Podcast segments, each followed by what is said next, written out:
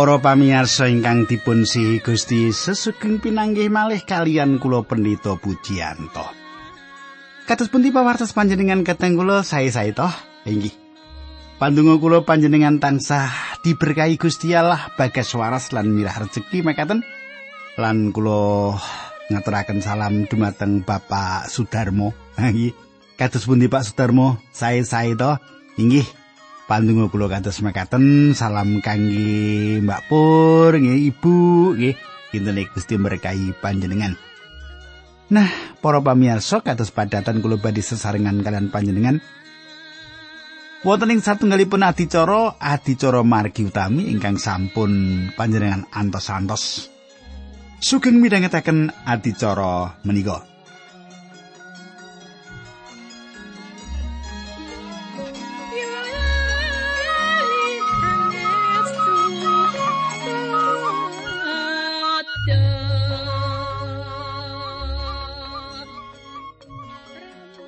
Para pamirsa ingkang dipun sihi Gusti Yesus Kristus. Kula suwun panjenengan tasih kemutan menapa ingkang kula andharaken duk pepanggen kepengker. Wonten pepanggen kepengker kawula sampun ngaturaken sampun nyemak bilih samukawis sampun dipun telokaken wonten ing ngandhaping suku Gusti Yesus. Kados pundi kelajengipun monggo panjenengan kula dherekaken tetunggur min sadaringipun kita lajengaken.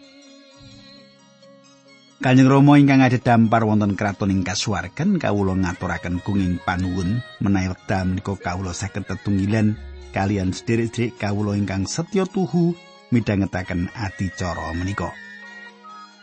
Kawula nyuwun Gusti berkahi Gusti mitulungi kawula lan nyuwun supados Gusti berkahi sanak kadang kawula kanthi adicara menika kanthi makaten imanipun tambah kandel tambah kiat wonten ing asma paduka.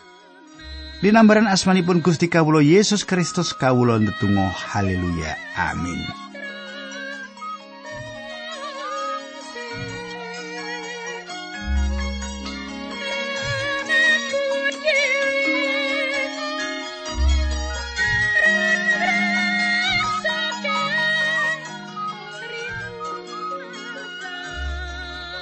Para pamirsa ingkang dipun tresnani Gusti samenika kita dumugi setunggal Korintus bab gang sawelas ayat tigang dosa ngantos selajengipun mangke. Kulo wiwiti maos ayat tigang dosa ngantos tigang dosa setunggal mangke tambah sekedik-sekedik makaten nggih. Makaten surau sing pangandikan. Enggonku kondo mengkono mau mergo kowe gawe mongko keng atiku dene padha dadi wong Kristen. Saupama nggonku gelut karo kewan-kewan galak ana ing kutha Efesus mung ditimbang-timbang cara manungsa, paedahe apa tumraping aku? Menawa wong mati ora ditangekake apa ora luwih becik yen kita padha muni kaya unine sawening wong payu padha mangan lan ngombe awit sesuk kita padha mati. Para pamirsa, Paulus meratelaken pilih menawi Sang Kristus mboten wungu saking sit menawi Sang Kristus mboten wungu saking seto pramila tiang pitados menika kados dene tiang bodho ingkang mapanaken gesangipun wonten ing papan ingkang bebayani kangge nyawanipun. Nanging ngawit Sang Kristus menika wungu saking seto pramila tiang-tiang pitados menika dipun tunggalaken kalian panjenenganipun kita manunggal kalian Sang Kristus ingkang wungulan gesang. Paulus meratelaken menawa Sang Kristus gesang mula sawijining kabuduan kanggoku ngaturake kurban-kurban ing kene uripku ana ing bebaya ing saben wektu aku terus-terusan ana ing bebaya pati. Makaten Paulus meratelaken. Kita lajengaken ayat 3 dosa kali. Saupama nggonku gelut karo kewan-kewan galak ning kutha Efesus mung ditimbang-timbang cara manungsa paedahe apa tumraping aku. Menawa wong mati ora ditangekake apa ora luwih becik yen kita padha muni kaya unine saweneng wong payu padha mangan lan ngombe awit sesuk kita padha mati. Para pamirsa. dipun tunggalaken kalian Sang Kristus ing salebetipun pejah lan wungunipun inggih menika kayektosan ingkang ngedapi-dapi dipun tunggalaken kalian Sang Kristus ing salebetipun pejah lan wungunipun. Menika kayektosan ingkang ngedapi-dapi menawi Sang Kristus mboten wungu lan menawi ingkang pejah mboten tangi Pramila langkung sae menawi kita ngginakaken filsafat tiyang ingkang gadah kapercayan ibu kurian ingkang sanjang mangan lan ngumbyo sebab sesuk kita mati. Para pamirsa kita lajengaken ayat tigang dosa tiga ngantos tigang dosa sekawan. Kowe aja kena diapusi pasrawungan sing ala kuwi ngrusak kasusilanmu. Pikiranmu sing waras padha pigunakno maneh lan marenono gawe dosa, kowe kudu isin menawa aku kondo ing antaramu ana sing durung wanuh karo Gusti Allah. Menika ungelipun ayat 3 lan 3 sekawan satunggal Korintus kang 11. Para. Tiang ingkang pitados Korintus ing Korintus dipun jebak dening tiang-tiang ingkang nangkretaken babagan patangin. Tiang-tiang pitados sing Korintus mirengaken tiang-tiang ingkang kathah ngomong tanpa gadah kawruh kegayutan Gusti Allah. Paulus meratelaken menawi tiang-tiang pitados menika nampi keterangan ingkang lepat pramila tiang-tiang menika badhe tumindak lepat. Paulus ngimutaken supados mandek damel dosa sebab badhe wonten patangin. Paulus ngimutaken supados mandek damel dosa, sigek anggone gawe dosa sebab badhe wonten patangin. Ayat 3 dosa gangsal. Mbok menawa ana wong takon wong mati kuwi nggone ketangekake kepriye lan yen wis katangekake badane kaya apa? Para pamirsa. Paulus badhe nyukani wangsulan kalih pitakenan. Kados pundi lan menapa? manungsa gagal mbedakaken antawisipun patangen raga lan kalanggengan jiwa. Paulus lumawan patangen raga. Golongan saduki lumawan patangen menapa kemawon. Gesang menapa kemawon sasampunipun pecah. Lajeng Gusti Yesus piyambak paring pangandikan dumateng golongan menika. Ing Matius likur ayat tigang dosa ngantos tigang dosa kalih kapratelaken kados makaten. Apa kowe padha ora tau maca apa sing dipangandikake dening Gusti Allah bab petangine wong mati? Gusti Allah ngendika, Aku alai Abraham, alai Iskak lan alai Yakub, Allah kuwi dudu alai wong mati nanging alai wong urip. Para pamirsa samenika pitakenanipun inggih menika kepiye bisa raga kang mati ditangekake lan isih padha kahanani. Paulus meratelaken bilih kita sinau saking alam menawi raga menika mboten sami. Raga wujud sami nanging sejatosipun mboten sami. Ayat 36 Bodho temen kowe kuwi yen kowe nandur wiji ning lemah. Apa wiji mau ora kudu mati dhisik sadurunge tukul? Para pamirsa, menapa toliripun pecah? Pecah inggih menika pepisahan. Pecah menika mboten pungkasanipun roh utawi kepribadian. kekalihipun boten pecah. Panjenengan ingkang asli badhe sesarengan kalian Gusti menawi panjenengan menika dados putranipun Gusti Allah. Namung raga ingkang sirna, pati inggih menika pisahipun badan kalian pribadi kalian raga. Badan lebur, risak lan bosok. Saking lebu wangsul dados lebu lan lebu dados sawu namung kelampahan kangge raga menika. Ing mriki Paulus nyukani wangsulan atas pitakenan ingkang kaping kalih rogondi sing tangi. Ayat tigang dosa pitu sing kok tanduring lemah mau rak ya mung wiji. Upamane wiji gandum utawa wiji-wiji liyane nanging rak ora mujud tanduran sing wis pepak. Para pamirsa, nyebar wiji nggih menika satunggal pasemon. Sang Kristus menika ingkang pambayun salajengipun dipun lajengaken kalian kita. Kita sawak ngentosi kapulungipun gereja ing medal Sang Kristus ngasto tiang-tiang pitados medal saking jagat. Menawi medal menika kita sampun pecah kita badhe dipun wungokaken. Menawi kita tasih kesanging jaman semanten kita badhe dipun pundhut lan karibah. Wiji menika mboten nyukani raga enggal dumateng badan piyambak. Kados mekaten gegayutan kalian ingkang nyebar Gusti Allah ingkang paring. Samenika ayat 38.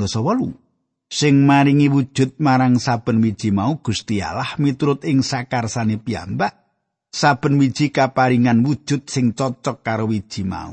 Para pamirsa, selajengipun Paulus ngrembak babagan sanes sedaya menika wadining gesang. Sayektosipun wadi gesang langkung ageng saking wadinipun pati. Ing wekdal nyebar wiji gandum, gandum kemawon ingkang tuwuh sanes kados dene gandum ingkang kangge bir utawi jagung. Wulen pantun ingkang tuwuh ing wulen sami kalian pantun ingkang panjenengan sebaraken mboten sami nanging sanget dening memper. Ayat 39. Dagingi para tumitah sing kadunungan nyawa kuwi ora padha. Daginge menungsa beda karo daginge titah liyane. Daginge kewan-kewan ya beda-beda. Daginge manuk beda karo daginge kewan liyane, semono iwak daginge beda meneh. Para pamirsa benten antawisipun badan pecah kalian badan tangi langkung ageng tinimbang bentenipun antawis manungsa kalian kewan. Ulam kalian peksi. Paulus meratelaken bilih sedaya daging boten sami. Kula lajengaken ayat kawan dosa ngantos kawan tunggal. Mengkono uga ana barang sing ana ing langit lan ana barang sing ana ing bumi kamulyane barang kang ana ing langit beda karo kamulyane barang kang ana ing bumi. Kamulyane srengenge beda karo kamulyane rembulan lan beda karo kamulyane lintang-lintang malah ing antarané lintang-lintang dhewe kamulyane uga beda-beda. Para pamirsa, panjenengan katosaken Paulus mlebet ing salebetipun jagating ilmu palintangan lan meratelaken bilih sedaya daging ing salebetipun tata surya menika mboten sami. Bahan srengenge mboten sami kalian bulan. Kados mekaten ugi lintang-lintang. Lintang-lintang benten antawisipun setunggalan sanesipun wonten sistem tata surya, sistem lintang, planet lan srengenge. Ayat kawan dosa kali. Kaya mengkono bakal kaanane wong mati besok yen katangeake. Nalika badan kakubur badan mau nandang rusak nanging besok yen badan katangeake kaanane bakal langgeng. Para pamirsa, raga ingkang dipun paringaken dumateng Adam tansah teluk dumateng pati. Sinau suraga mboten badhe pecah menawi mboten nindakaken dosa, raganipun badhe teluk ing pati. Nanging dening petangen kita nampani raga ingkang mboten saged risak. Ayat kawan dosa tiga. Naliko dikubur kaanane badan mau nesta lan ringkih nanging yen wis katangake, kaananane bakal indah lan kuat. Para kita badhe nampi kamulyan, werni ayu lan panguwas-panguwas sedayanipun menika wonten ing salebetipun raga enggal. Kita lajengaken ayat kawan dosa sekawan ngantos kawan dosa gangsa. Naliko kakubur badan mau arupa badan wadak. Nanging sawise katangake bakal arupa badan kasukman yen ana badan wadak ya ana badan kasukman.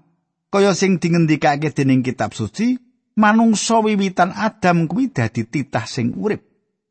Nanging Adam sing wekasan dadi roh sing nguripake. Para pamirsa, panjenengan gatosaken manungsa kawitan. Adam inggih menika sifat jasmaniah. Piyambakipun gadah lan nyawa nanging Adam ingkang pungkasan Sang Kristus inggih menika kasukman. Ayat kawan dosa 6 ngantos kawan dosa pitu. Sing teko dhisik dudu badan kasukman, nanging badan kedagingan sawise kuwi lagi sing sifat kasukman. Adam sing kawitan dumadine saka lemah nanging Adam sing kapindho asale saka ing swarga. Para pamirsa jaman samenika mboten kathah tiang sinau gegayutan ilmu ekologi. Lan malih sinten ingkang badhe ngaco bumi menika mboten sanes manungsa. Awit manungsa menika mambet siti samukawis ingkang dipun tampik manungsa inggih menika larahan nanging manungsa kaping kalih inggih menika Gusti saking swarga. Samenika ayat kawan dosa wolu ngantos seket. Wong-wong kadunyan padha karo sing asale saka lemah mau, nanging wong-wong kasuwargan kaya panjenengane sing pinangkane saka ing swarga. Kaya dene sifat kita saiki kaya wong sing katitahake saka lemah, mengkono uga besok sifat kita bakal kaya panjenengane sing pinangkane saka ing swarga mau. Sing ndak karepake mengkene. Para sedulur, ya kuwi badan kita sing asipat daging lan getih iki ora bisa melu urip ana ing kratoning Gusti Allah lan titah sing kena ing rusak iki ora bisa duwe sifat langgeng. Para pamirsa, kita sedaya asipat kadonyan. Kita asalipun saking Adam lan inggih kados makaten menika kahanan kita. Nanging kita ugi manunggal ing salebetipun Sang Kristus. kita manunggal kalian panjenenganipun awit saking menika kita gadah pengajeng-ajeng inggih menika wungu ing salebetipun raga langgeng inggih salamanipun kalian Sang Kristus. Samenika kita mbeto sifat ceket nanging kita ngentosi wekdal ing pundi kita badhe mbeto sifat kasuwargan. Daging lan rah mboten saged marisi kratonipun Gusti Allah. Raga lawas kita mboten badhe mlebet dhateng kasuwargan.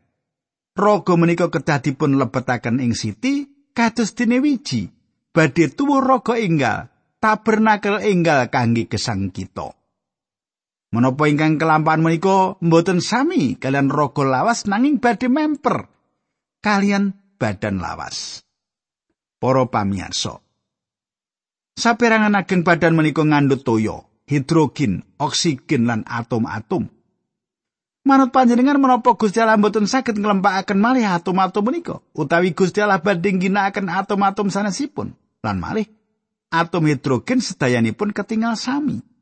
Mboten dados perkawis tumrapipun kula menawi panjenenganipun ginakaken atom-atom sanesipun kangge yasa raga enggal.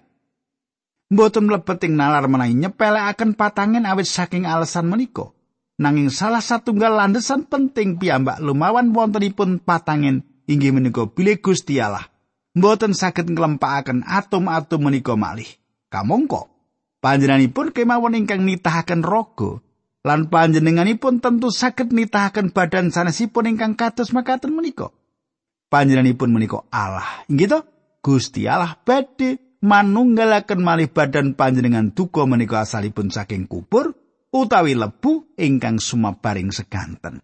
Para pamirsa, bidat ingkang kawitan ing salebetipun gereja inggih menika nampik wungunipun raga.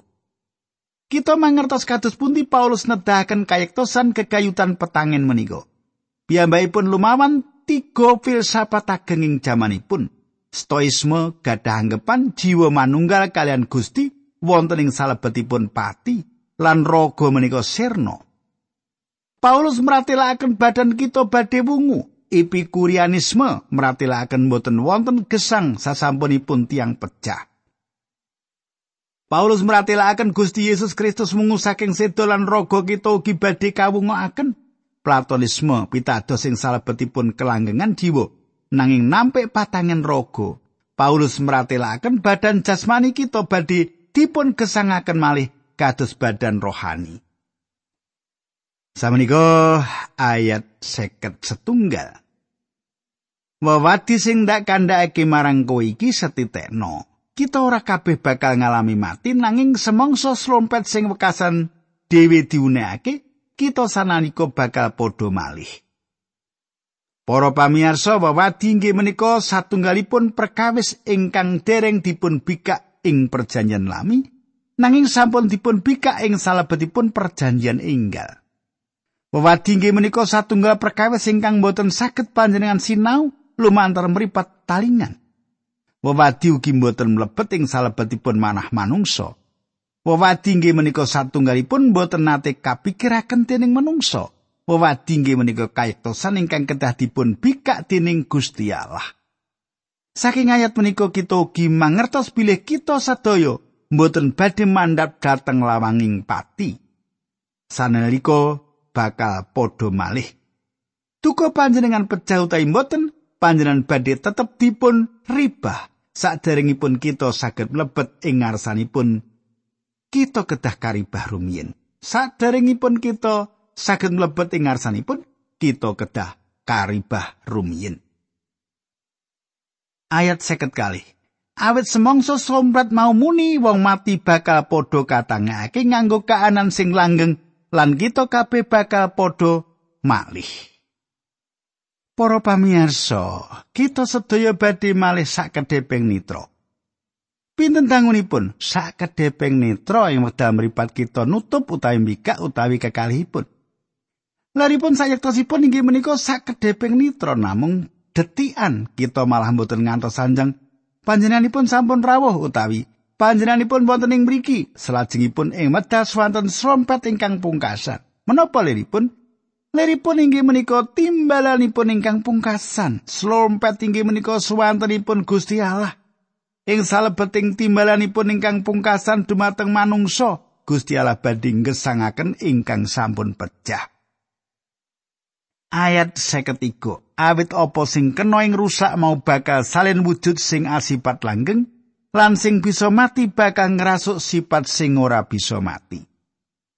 Para pamirsa panjenengan gatosaken pangandikan menika tegas. Kita mboten saged mlebet swarga ing salebetipun kahanan kados samenika. Kita mboten saged mlebet swarga ngangge raga lawas menika. Kita mboten badhe sanggup ningali menapa ingkang wonten ing ngaluhur mriku. Utawi mirengaken slompet menika badan kita saestu winates menawi kita mlebet swarga ngginakaken raga lawas. Kita kecalan sepalih saking menapa ingkang sawek dumados. Kita lajengaken ayat seket sekawan. Lan yen samu barang sing kena ing rusak mau wis ngrasuk sifat langgeng, lan apa sing bakal mati kuwi wis ngrasuk sifat ora kena ing pati, ing kono bakal kelakon pangandikane kitab suci sing mengkini. Pati wis ditelokake lan kaunggulane ing ngatasé pati wis sampurna. Para pamirsa, inggih menika kamimpangan petangin. Ayat seket gangsal, seket pitu. Heh pati ana ing ngendi kaunggulanmu? Heh pati ana ing ngendi ampuh ing wisamu? Wisaning pati kuwi dosa lan sing menehi kekuatan marang dosa kuwi torat. Nanging puji syukur kunjuk marang Gusti Allah sing wis maringi kaunggulan marang kita lantaran Gusti Yesus Kristus Gusti kita. Para pamirsa, kita mireng juru mucal kitab suci ngendika Bile Gusti Allah sampun mundut entuping pati, wisaning pati. Sami kados dene tawon ingkang kecalan wisanipun entupipun. Pati sampun kecalan entupipun awet kita badhe ningali tebih nglangkungi pati. Ing mriku wonten satunggal lawang ingkang tinarbuka ing perangan kelanggengan ingkang jembaripun boten kantenan. Lawang menika nuntun kita mlebet boten namung sekedap, nanging sak lami-laminipun salajengipun dipun ngendikaken He pati, ana ngendi kaunggulanmu? Ketingalipun pati kados-kados badhe mimpang, kathah tiang ingkang kasil ing gesangipun nanging pati tundonipun nguwaosi tiang-tiang menika. Kathah tiang-tiang ingkang jegur ing jagating politik gadah kalenggan inggil, malah kalenggan presiden. Salajengipun pecah ing kantor, tiang-tiang menika nggayuh kalenggan presiden salajengipun pecah ing kantor. Tiang-tiang menika nggayuh kalenggan ingkang inggil nanging pati badhe mapak ing gesangipun lan pati badhe mimpang atas tiang menika pati nggih menika makhluk ingkang gegirisi nanging para pamirsa Sang Kristus sampun mandat dhateng pati menika wisaning pati kuwi dosa. Inggih dosa menika ingkang dados entup utawi wiso asli sing menehi kekuatan marang dosa kuwi Torat Paugeran Torat inggih menika pangilon ingkang nedahaken bilih kita menika tiang dosa. Nanging puji syukur kunjuk marang Gusti Allah sing wis maringi kaunggulan marang kita lantaran Yesus Kristus Gusti kita. Kenging menapa? Menapa awit kita pinter lan lantip lan gada pangwaos? Mboten kamimpangan menika kita tampeni saking Gusti Yesus Kristus. Kegayutan kalian tiang-tiang suci wonten ing jaman kasangsaran ageng Wahyu kali ayat 11 meratelaken tiang-tiang menika nelokaken iblis kanthi rahipun sang cempe inggih menika satunggal-tunggalipun cara kita mimpang. Ayat 58. Mulane para sedulurku kowe padha sing mantep lan padha sing teguh, padha tansah sregep nglakoni ayaing peparinge Gusti Yesus sebab kowe ngerti yen pegaweanmu kuwi babar pisan ora muspro. Para pamiyasa Gusti Yesus inggih menika Gusti Allah ingkang setya. kula dipun timbali manunggal kalian putra Allah. Paulus sampun nyukani mangertos kita ing salebetipun serat kentunan menika bilih samukawis menika gadanipun kita. Gesang menika gadahipun kita lan kula gadah kekajengan ngraosaken gesang. Pati nggih menika gadan kita awit kita gadah panjenenganipun ingkang kagungan pangwaos atas pati menika. Makaten kadang kula. Lan monggo kita ndedonga langkung rumiyin. Kanjeng Rama ing swarga kawula matur nuwun menawi wekdal menika abdi paduka sampun ngandharaken kayektosan kayektosan wucalan-wucalan kawruh babagan kitab suci ingkang paduka paringaken. Kawula nyuwun berkah paduka kangge sedherek kawula menika linambaran asmanipun Gusti Yesus Kristus. Kawula ndedonga. Haleluya.